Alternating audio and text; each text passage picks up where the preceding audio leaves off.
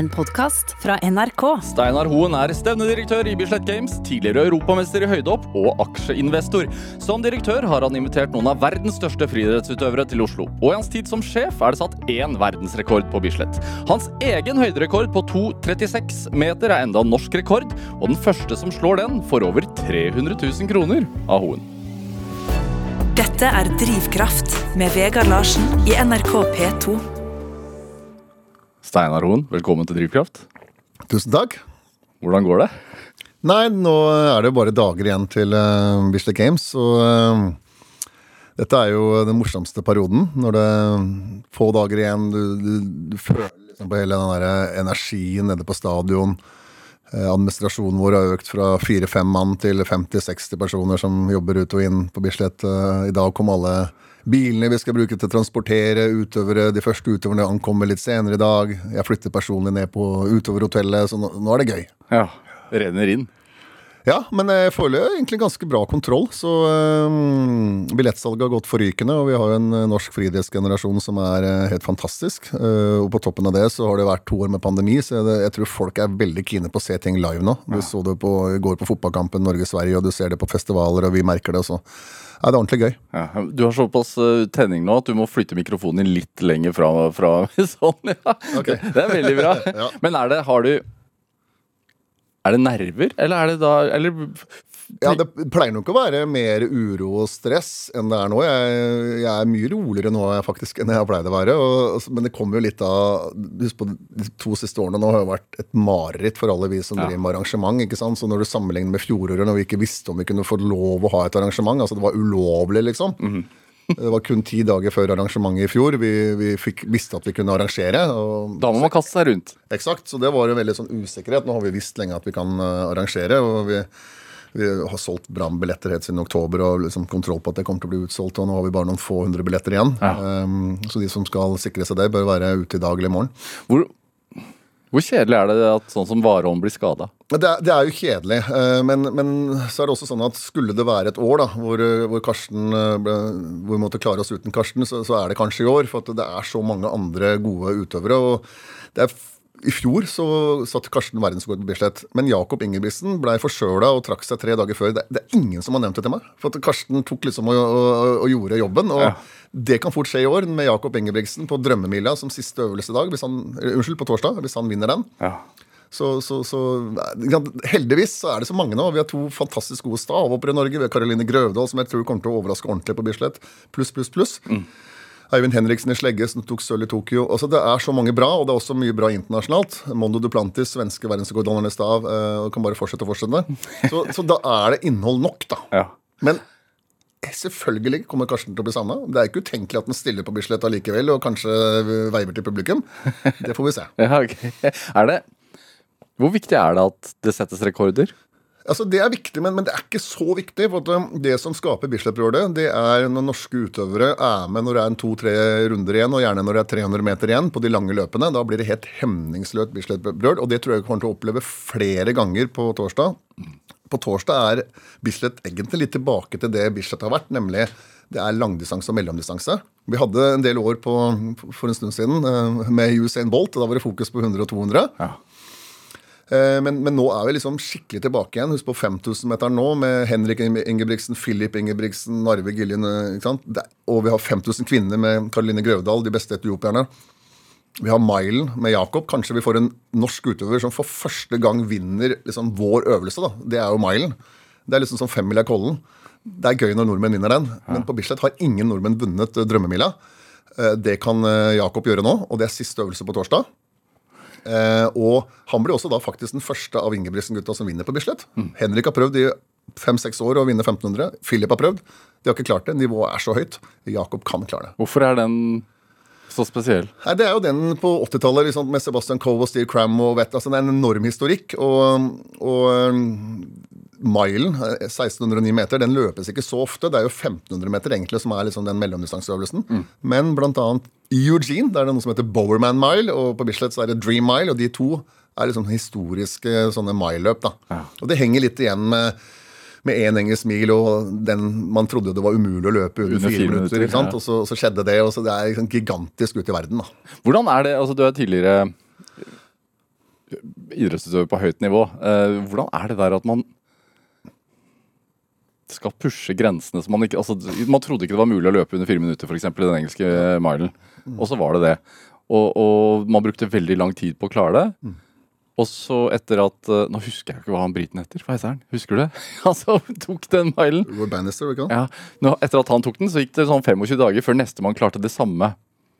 Hvor mye er liksom mentalt for å pushe de der grensene man ikke tror er mulig å komme over?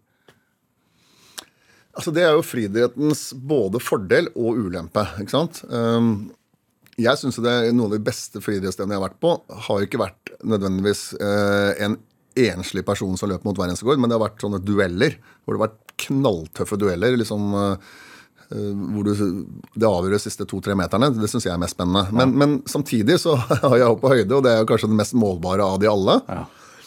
Men man får, man får sånn erkefiender der òg? Sånn. Jo, men, men, da er du, du, du konkurrerer jo. Jeg hadde jo Sotomayor, som fortsatt er verdensrekorden, som min erkekonkurrent. Men jeg konkurrerte jo egentlig mest mot meg sjøl og lista, ikke sant? hvor høyt jeg kunne hoppe. Og han ja. kunne ikke ødelegge noe for meg. eller noe sånt. På 800 meter så er det liksom albuer, og det er liksom, du får fiender og sånn.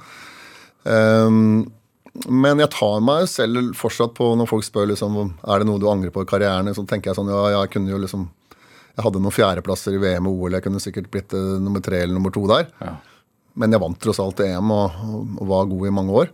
Men det jeg angrer på, egentlig, det er at jeg ikke har en bedre personrekord enn 2,36. og det, det, tar jeg meg sjøl i hele tiden. Det, så, fremdeles er, så fremdeles er norgesrekord? Ja, men jeg, jeg Spesielt to, to, ganger på Bislett i 94 på 2.35-hoppet og på Rådhusplassen 2.36-hoppet. Når jeg ser de på sånn slow motion liksom, på, på listkamera, så ser jeg at jeg, i hvert fall på Bislett var jeg 2-3 cm over, i hvert fall. Ja. Og på Rådhusplassen kanskje det samme. Og det vil jo si at potensialet mitt egentlig var 2.38-2.39. Og det hadde vært gøy å fått ut. da. Hadde jeg vært lengdehopper, så ville jeg fått ut, for da hadde du målt det lengste hoppet. Men eh, akkurat for min del så var det høyeste hoppet det var liksom Jeg forsøkte meg flere ganger på 240 og 238, men eh, da traff jeg ikke like godt som jeg gjorde på de andre. da. Så, så det, er, uh, det sier seg sjøl at det det hadde vært deilig å liksom fått ut absolutt alt jeg var god for, og da hadde jeg hatt personlig rekord på 2,38,5 kanskje. To centimeter som bare ligger ja, i bakhodet. Det ligger i bakhodet. Hvor ofte ja. ser du de, det hoppet i slow motion? Det er sånn når det nærmer seg Bislett, liksom. det, for da kommer det fram et eller annet sted. Ja. Så EM-gullet i 94 det har jeg ikke sett på så mange ganger som f.eks. det hoppet på 2.35 på Bislett fra 94, for det var det kanskje noe av det beste jeg har gjort. Det er ikke sånn at du sitter hjemme i leiligheten eller i huset aleine på kvelden i mørket og ser det, det om og om igjen? Det er det ikke. Kanskje når jeg blir eldre. Hvordan er det leste, altså, Da Bolt var uh, på sitt uh, altså hadde sitt høydepunkt, mm. så leste jeg en sånn sak i DN uh, at det var sånn Vi vil betale hva det koster for at han skal komme og løpe på Bislett. Mm.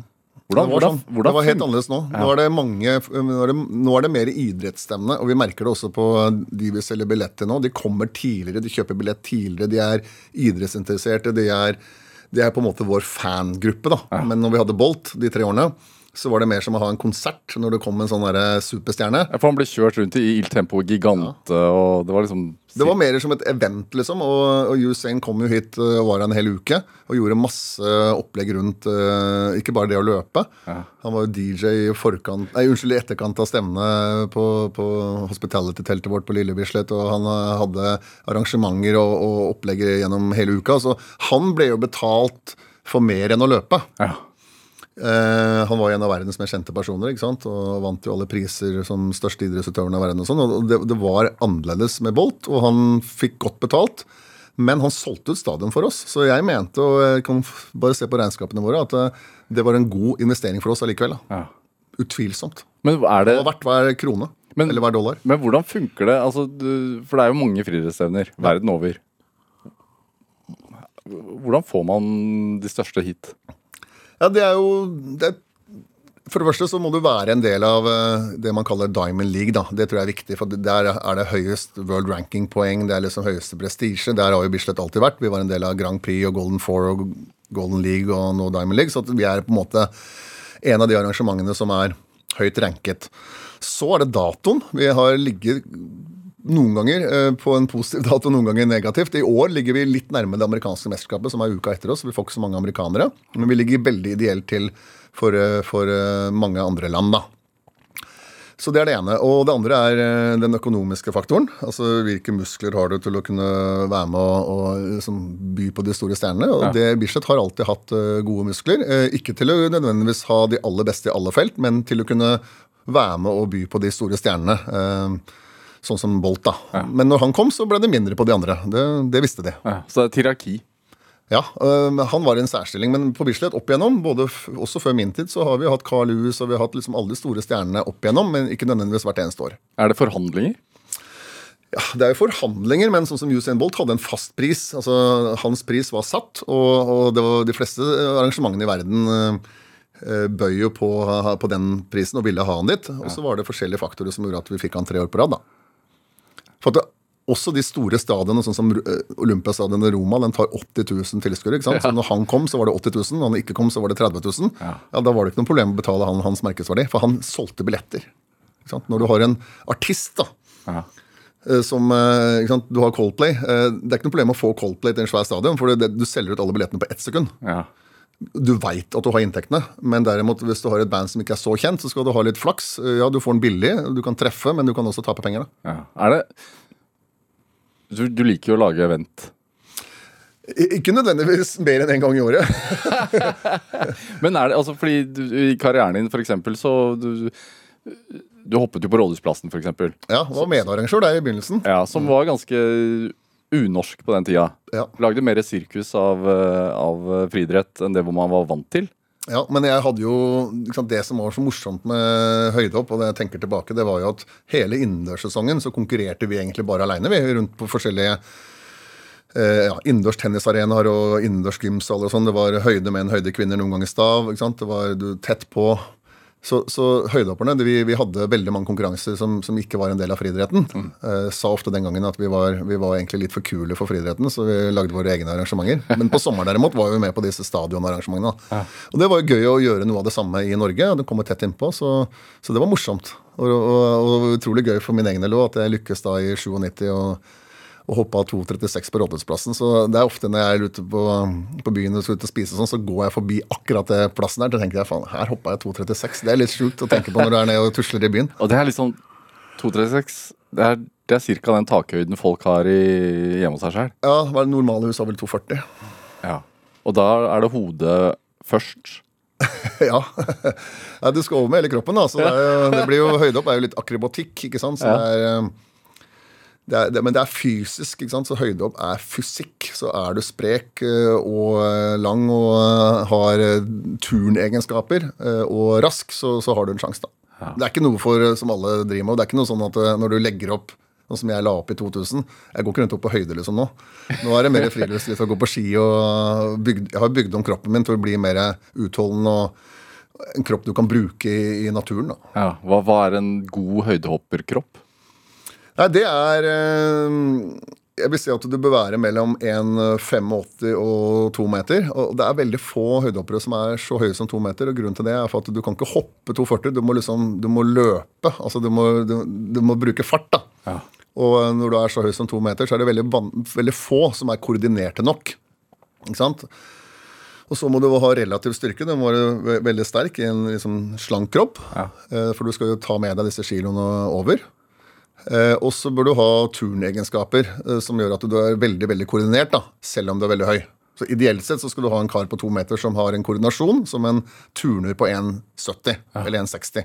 Og det merkes mange av. Og så skal du være liksom mentalt innstilt til å i, i, sånn, I starten, da, når man begynner med dette, her, være villig til å kaste seg liksom det som i utgangspunktet må føles helt feil. Altså sånn Ja, det føles veldig naturlig når du har gjort det noen ganger. ja, Jo, men sånn Du løper alt du kan i ish. Ja, du gjør det. eh, Treffer, og så skal du snu deg rundt, og så går du med hodet bakover. Du skal gjø- gjøre om horisontal hastighet til vertikalt. Eh, og da har du liksom et stempunkt da, hvor du skal gjøre all den kraften som skyves framover. Den skal gjøres om til høyden, og da er det masse vinkler og hvordan du gjør dette, og kraft, og du skal stå imot og få krafta gjennom kroppen osv. Så, Ja. så, så, så du har jo ganske sånn kraftig trykk i eh, hælen når du setter i, setter i stemfoten. Ja. Og da skal du liksom all den farten gå i eh, høyderetningen. Hvordan føles det gjennom kroppen? Ja, det, alt dette går automatisk, egentlig. Ehm, så, så jeg tenker ikke så mye over akkurat det. Og det er ikke noe sånn Ok, du kan ha litt sånn Når du er ung, så kan du lande på lista med, med ryggen og at det gjør litt vondt og sånn, men, men problemet egentlig, eh, som jeg syns, det er at det er så få dager i året hvor du er sprek nok da, til at det er gøy å hoppe høyde. Så jeg hadde mange år hvor jeg liksom jeg var god og jeg vant, men jeg satte ikke personrekord. Så, så det jeg ga meg da jeg var 29, og det gjorde jeg egentlig for at de siste par årene så hadde jeg hatt mange seier og sånn, men det var ikke noen dager jeg var sånn ordentlig glad. For du må nesten hoppe høyt. Høyde opp, det dreier seg om å hoppe høyt. da. Så det å vinne på 2,30 liksom, det var ikke like gøy som uh, å bli nummer fire på 2,36. Hvis du forstår hva jeg mener. Hvor glad er du i å vinne, da? Nei, altså, men høydehopp er to ting. Det ene er å vinne, det andre var høythopper. Så det er sånn, når jeg skjønte at jeg ikke kunne hoppe høyere, i, som 29-åring i 2000, så valgte jeg å gi meg. Hadde jeg visst at nivået i verden eh, dabba, og Sotomayor ga seg, og alle sånn, så kunne jeg holdt på noen år til og fått flere medaljer i OL og VM og sånn. Ja. Men, det men det visste jeg ikke da. Hvor høyt hopper du i dag? da? I dag hopper jeg ikke høyde, men er, eh, hva hvis du skulle tippa? Altså det Hvis jeg hadde gått ut fra studio her nå, så kanskje jeg hadde hoppa en, kanskje en 70 eller en, en 80 eller sånn, men, men eh, jeg veit ikke om jeg hadde klart det heller. Jeg vet ikke. For, for hodet mitt og teknikken og alt ligger der klart, men det skal liksom Skal ha med alt over, da. Jeg veier jo litt mer nå. Dette er Drivkraft med Vegard Larsen i NRK P2. Og I dag er eh, stevnedirektør i Bislett Games, Steinar Hoen, her hos meg i Drivkraft på NRK P2.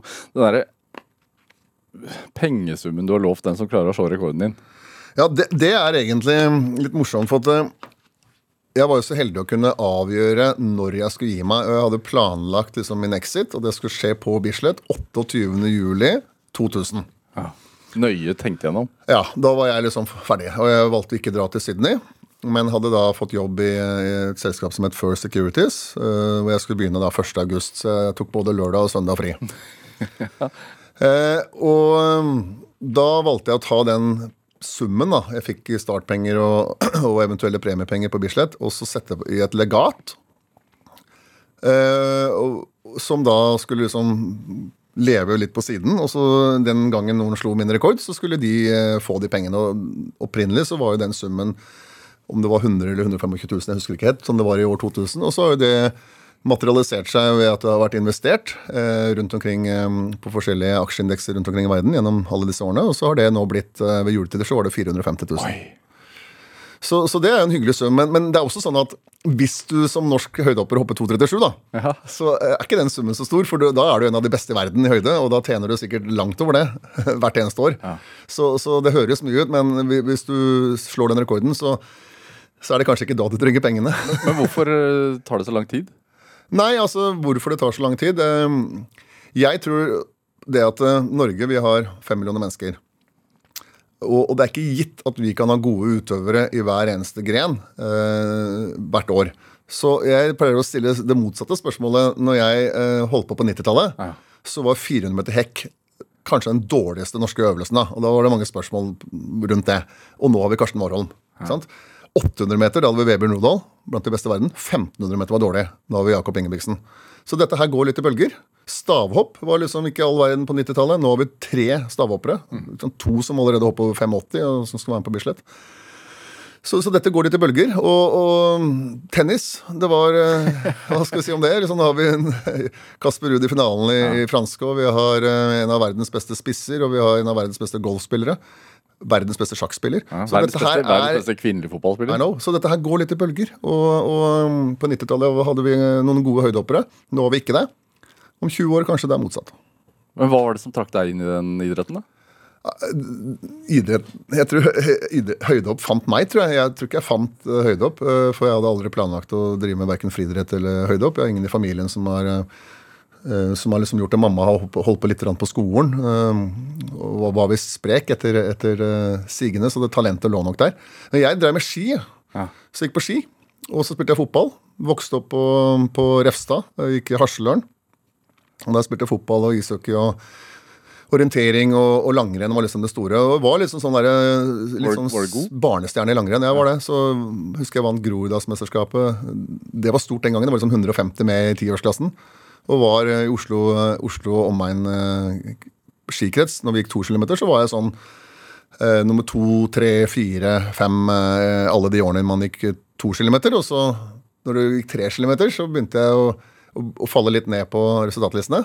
Og når vi gikk over til fem, så falt jeg ordentlig ned. Og da skjønte jeg ok, jeg har ingen lange, eller ingen utholdende fibre. Så finne på noe annet. Og, og veien fra langrenn var veldig kort til terrengløp, så jeg vant en del terrengløp. Det var mye terrengløp den gangen eh, rundt i Oslo.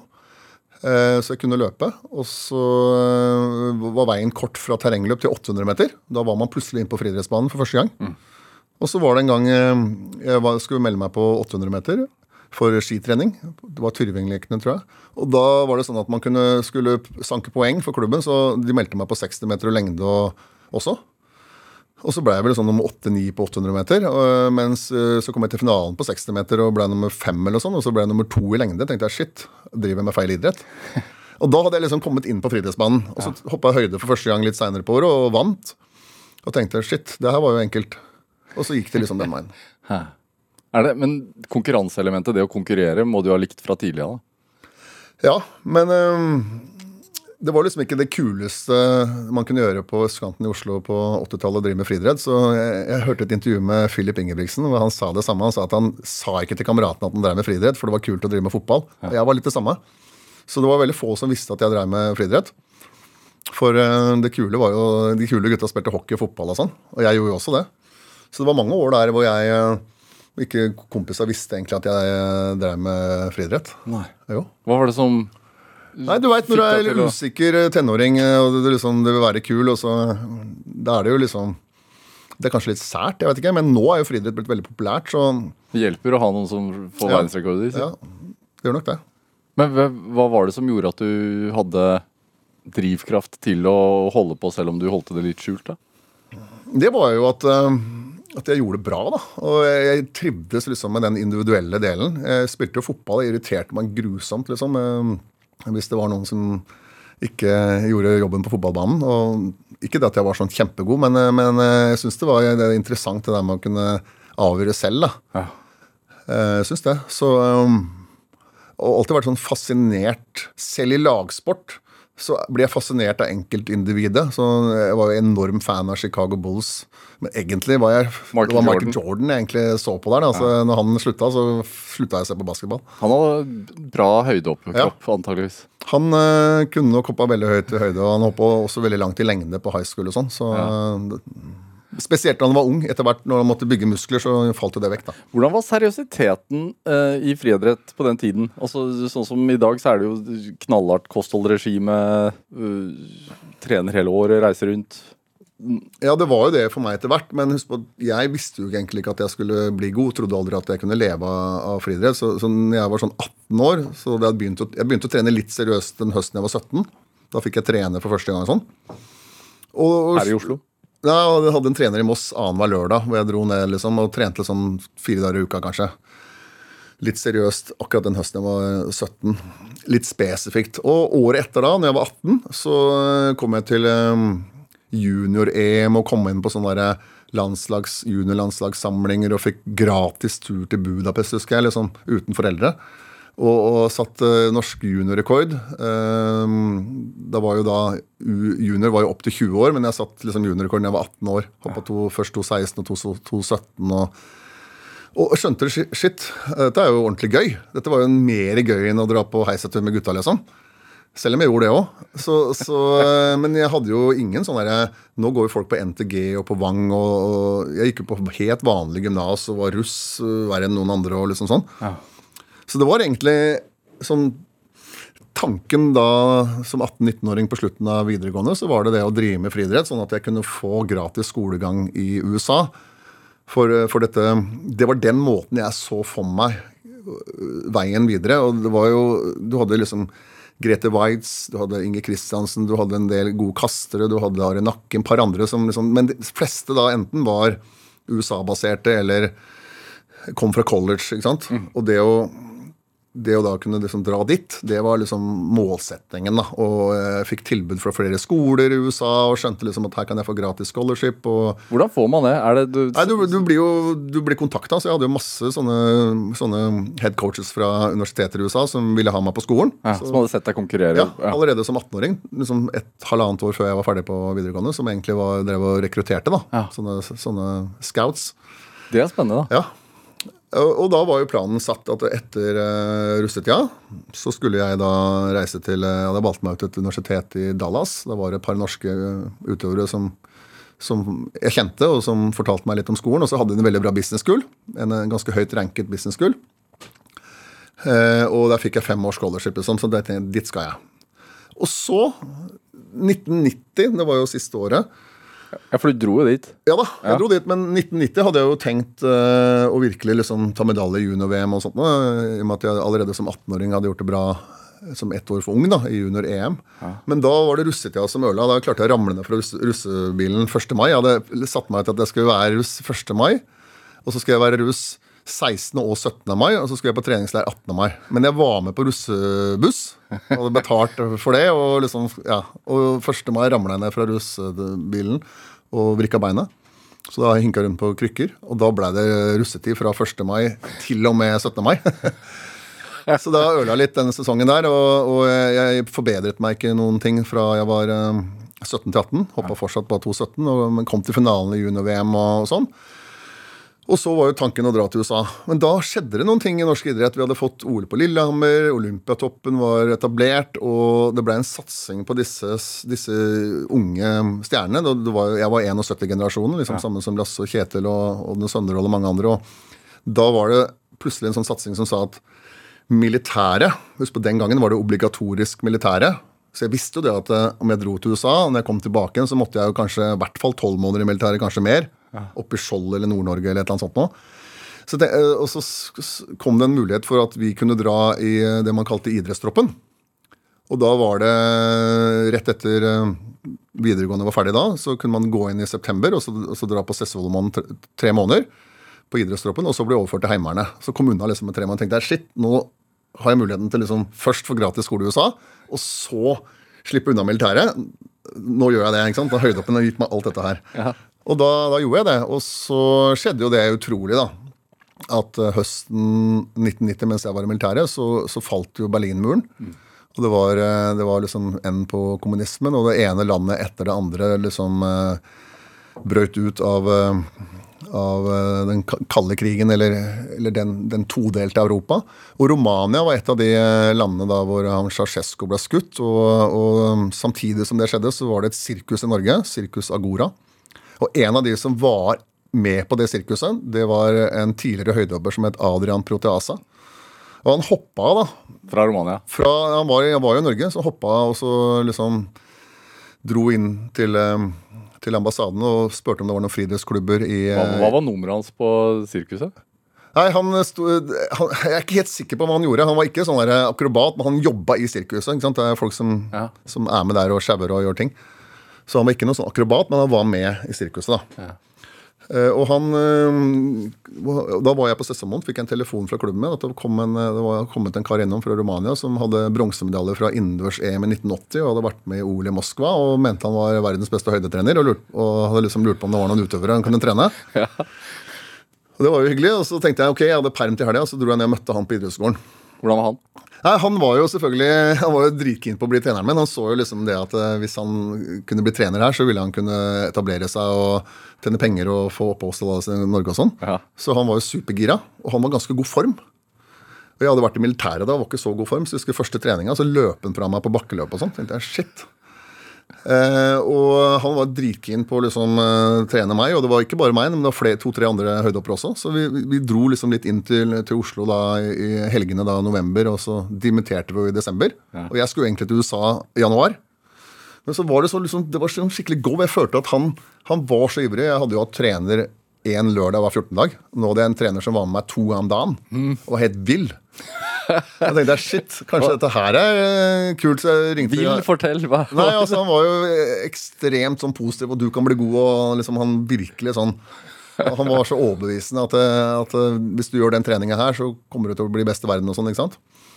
Og den oppfølgingen og alt, så jeg tenkte sånn shit, kanskje dette her var liksom meant to be. Og hva gjør det liksom om jeg reiser til USA i januar? Kan jeg ikke bare vente til neste år og, og komme samtidig som alle andre studentene? De fleste kommer jo i september. Ringte jeg headcoachen i USA og sa at veit du hva, føler meg ikke helt klar for å komme nå. Jeg har lyst til å komme liksom til høsten og, og, og um, være klar for det, liksom. Og da hadde jeg jo et halvt år hvor jeg ikke hadde noen ting å gjøre. Og da, da trente jeg to ganger om dagen. Ja. Begynte da rett før eh, jul i eh, 1990, og så gjennom da januar-februar 1991. Hvor mye hopper du da? Da, da, gikk, da gikk jeg fra å trene fire der i uka til to ganger om dagen. Ja. Og søvn, og, og da lærte jeg meg liksom det der toppidrettslivet. hvor Liksom allting ble satt i system. Og, og jeg tålte den treninga. Det var ikke alle på, som gjorde det, men, men jeg tålte det. Og det hadde nok med at jeg hadde den bakgrunnen jeg hadde med veldig, veldig variert eh, med ski og terrengløp og fotball og alt dette her. Så jeg tålte den treninga. Og, og allerede vinteren eh, 91 så hoppa jeg 2,20. Og gjennom eh, 91 så ble det jo sånn der braksesong for meg. Jeg satt norgesrekorder i fleng og, og kvalifiserte meg til senior-VM i Tokyo. Hoppa 2,29 og vant kongepokal og alt. Og, og da når jeg kom til finalen i Tokyo, da, så skulle jeg rett til Dallas og begynne på skole. Men jeg kjente det allerede på fly fra Tokyo til Dallas. At eh, nå gikk jeg liksom inn i ensomheten og dro jeg vekk fra det der go-en som var i norsk idrett. Og så skal jeg liksom være der aleine. Og, og eh, normalt sett så Eller tanken var at skole skulle være nummer én for meg, og idretten nummer to. Men allerede når jeg ankom Dallas, dagen etter, så var jeg oppe seks om morgenen og, og eh, løp bakkeløp i området der og trente to ganger om dagen, liksom. Og selv om jeg er veldig strukturert og, og, og gjorde lekser og alt mulig sånn, så, så merka jeg liksom at shit, idretten var viktigere for meg enn enn skole.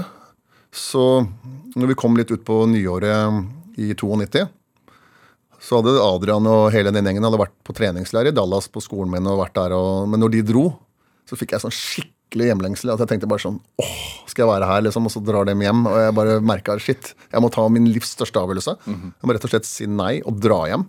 Og jeg trodde jeg kunne ta medalje i eh, OL i Barcelona. Så god var jeg da.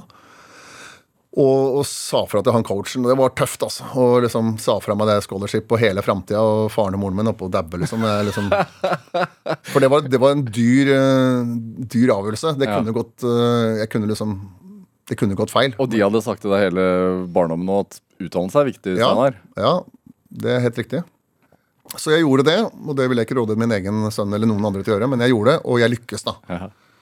Men husk på, det tok noen år etter eh, jeg dro hjem, før jeg vant EM. Så både 92 og 93 gikk jo ikke helt som det skulle, og da angra jeg jo litt. Og da begynte jeg på BI da og tok utdannelsen der, men, men, men da kunne jeg jo bruke lengre tid. ikke sant? Så, så jeg gikk på Handelsakademiet først, og så på BI etterpå. Og, og fikk da liksom lagt opp en sånn plan hvor, eh, hvor jeg liksom ikke trengte å ta alle fagene 100% men tok noe 50% og 30% og sånn.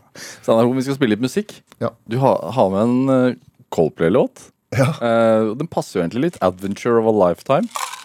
Er det litt sånn du Er det litt din innstilling? Altså Nei, det var, det var et, et eventyr, så det var eh, morsomt å se tilbake på. Ja. Det har jo formet meg. Skal vi høre? Ja.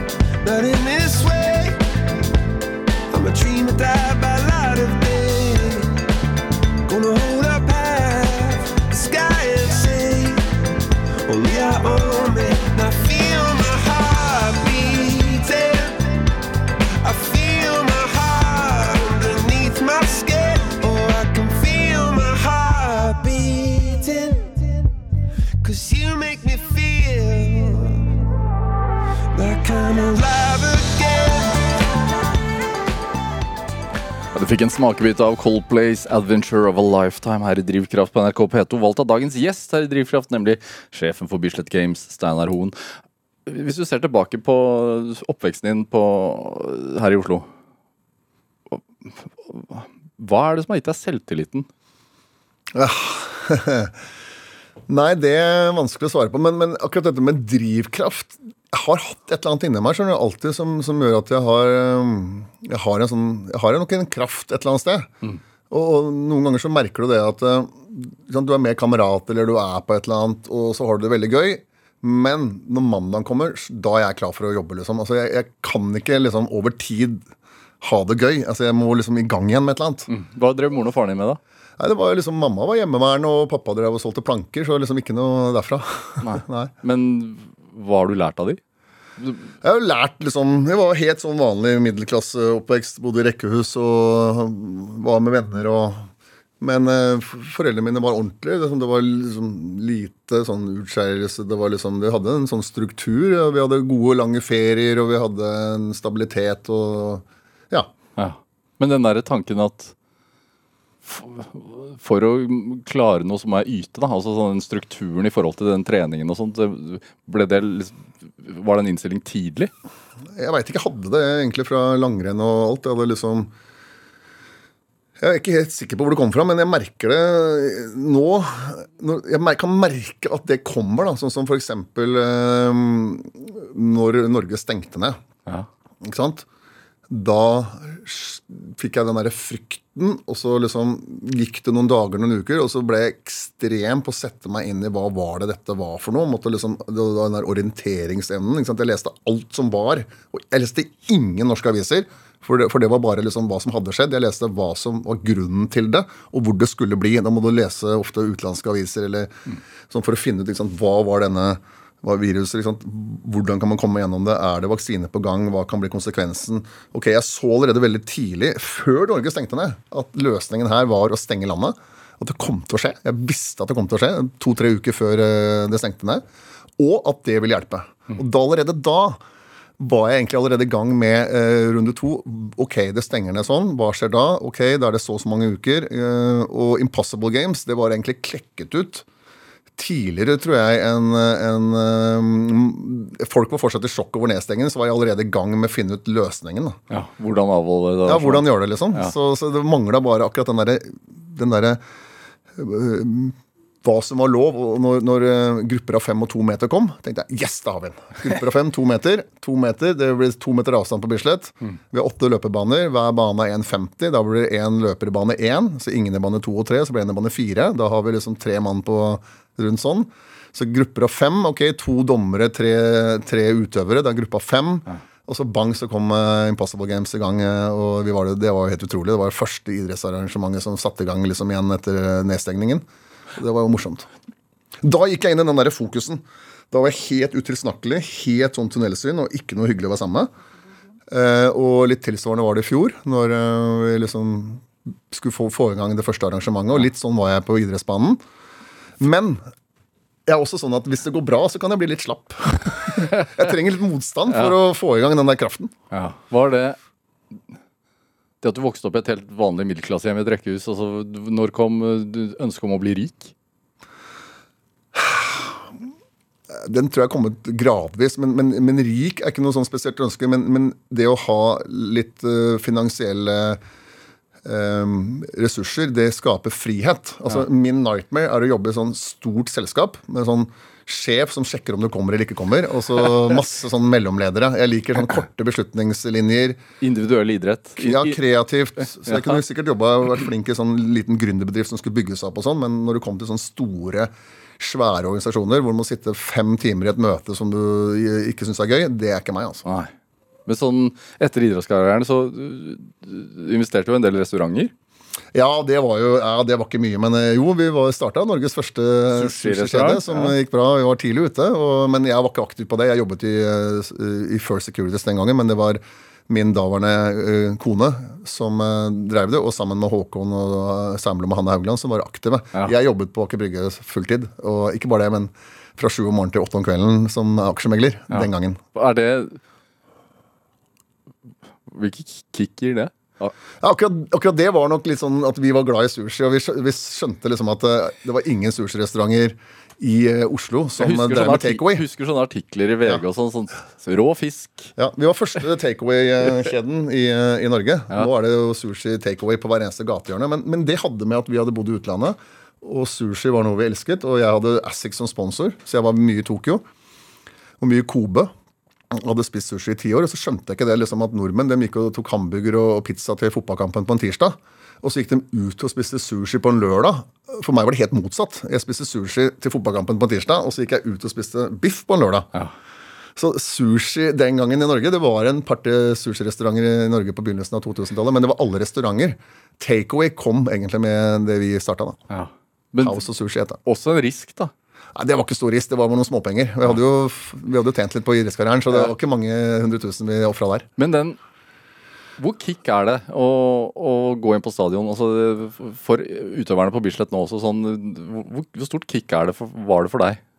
Det, det, var, det var kick i begynnelsen, men mot slutten, etter å ha vært liksom i de store mesterskapene, så, så det er også noe av grunnen til at det ga meg. Jeg hadde liksom vært i de største stevnene mange år på rad, og det var ikke like gøy å reise lenger. ikke sant? Det som, det som var gøy, var å dra på treningsleire. Det er det jeg savner i dag, er jo de flotte, lange treningsleirene vi var i, i, i varme strøk. liksom. Hvor mye rock'n'roll var det? Det var mer rock'n'roll den gangen enn det er nå, men det var veldig periodisert. Så at jeg levde helt som en hvilken som helst annen norsk gutt i 20-årene eh, i tre uker. Fra sesongen var ferdig i september, til jeg begynte å trene igjen eh, 1. oktober. Så det var min tid. Ja. Og så var jeg da kanskje med noen ganger på høsten hvis det var et eller annet viktig, men, men ikke ofte. Og så, to, så tok jeg, som jeg måtte gjøre, at fra nyttårsaften til etter VM eller, eller OL den sommeren, så var det null. Altså, jeg måtte gjøre det sånn, for, for jeg kunne ikke gå og ta én øl eller ett glass vin. Da hadde jeg lyst på flere. Så, så jeg tok null, da. Altså, det var liksom, uansett hva det var, så, var det, så drakk jeg alkoholfritt og, gjennom hele den våren og sommeren. Det var uh, en smart ting å gjøre, og så kunne jeg liksom skeie ut på høsten. Men selve høydehopp som gren hadde jo et litt sånn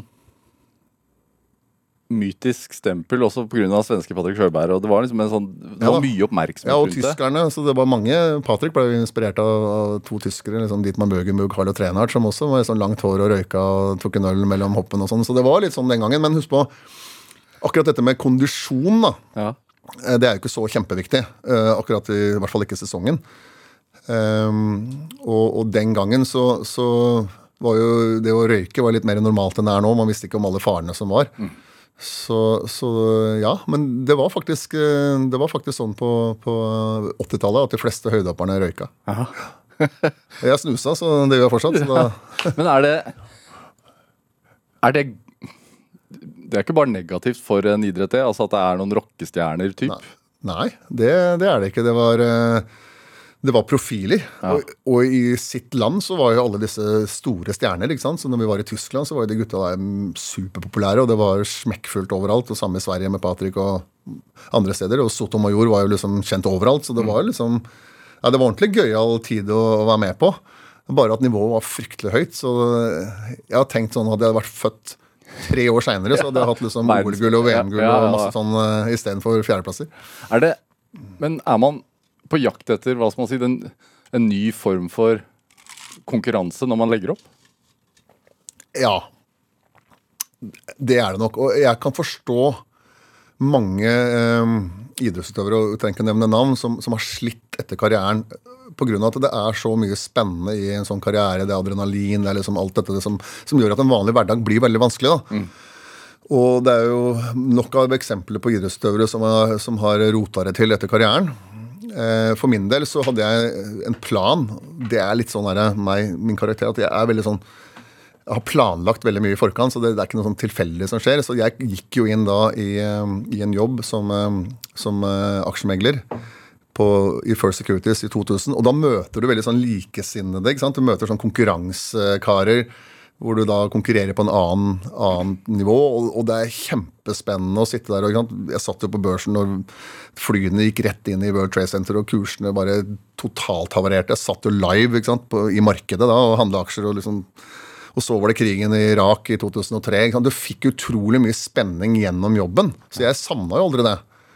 Og, og så, når, når det firmaet jeg jobbet i, ble kjøpt opp, da er vi ute i 2006, så, så fikk jeg en, en hyggelig sum i og med at jeg var partner.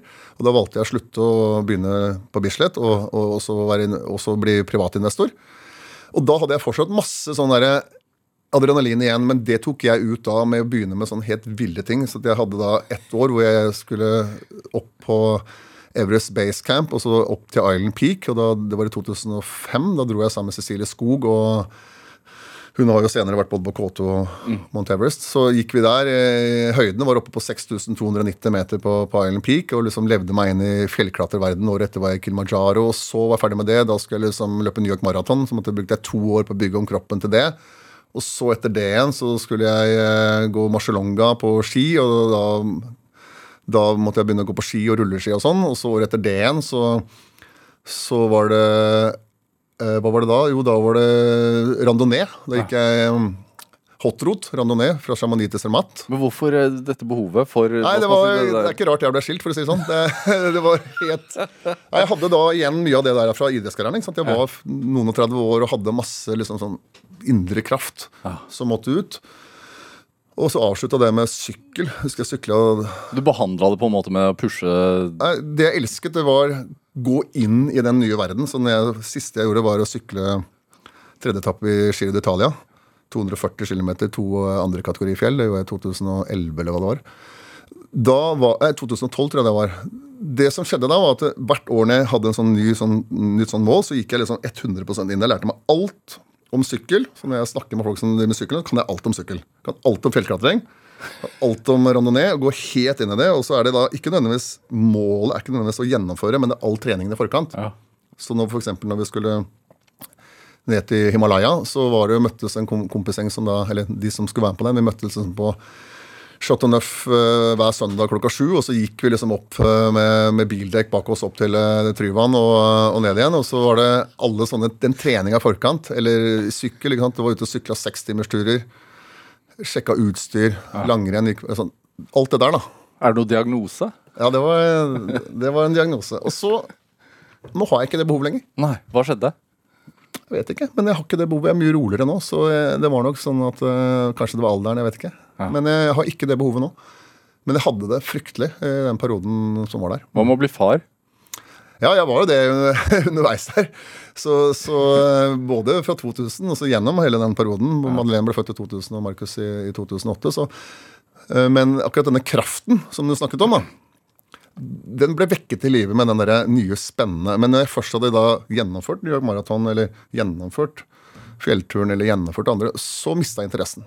Så etter jeg gikk Barcelona, så satte jeg det skiene i skapet, og de sto der egentlig liksom noen år. Da gjennomførte jeg og ferdig med det. Og så er det neste. Hvor- Så jeg er ikke sånn type som skal liksom fortsette å konkurrere for å vinne, eller du vet sånn birkebeinere, eller sånn folk som, Nei, som skal ha en karriere som eh, 30-åringer, 40-åringer. Det er det ikke, men det var mer det å liksom ha, gå inn i en helt ny verden, og så liksom fordype seg i den, og så sette seg et mål, og så gjennomføre det, og så neste. Hva får du ut av det, da? Jeg veit ikke hva jeg fikk ut av det, men eh, jeg gjorde nå det. Ja. Det er Interessant å se tilbake på, og det var den der alderen på litt urolig sikkert. Kanskje det var midtlivskrise, jeg vet ikke. ja. Men gir det deg noen erfaring? Altså, fordi du har jo vært sjef for Bislett nå i ja, tolv år, da. Ja, Det som var bra med alt det jeg har gjort her, er at jeg kan forstå når jeg snakker med liksom Jeg drev med høydehopp, ikke sant. Og, og det, er jo, det er jo snevert, men nå kan jeg sitte og snakke liksom rundetider med en 10 000 meter løper eller en 5000 meter løper. Ikke sant? Jeg har løpt New York Marathon. Jeg forstår hva som ligger bak det. Jeg forstår effekten av du, hvordan du skal legge opp treninga på lengre løp. Så når jeg, når jeg skal arrangere Bislett, så er det selvfølgelig en fordel at jeg, at jeg kan litt også, og har erfart det selv, um, om uh, mellomdistanse, langdistanse osv. Ja. Det er litt sånn, Jeg hadde øh, Nicolai Tangen her i tidligere Drivkraft som fortalte at når hans firma skulle investere penger, så likte han gjerne å sende uh, de som jobbet for han, f.eks. å lære hvordan en rørleggerbedrift fungerte før han investerte. Du er litt sånn?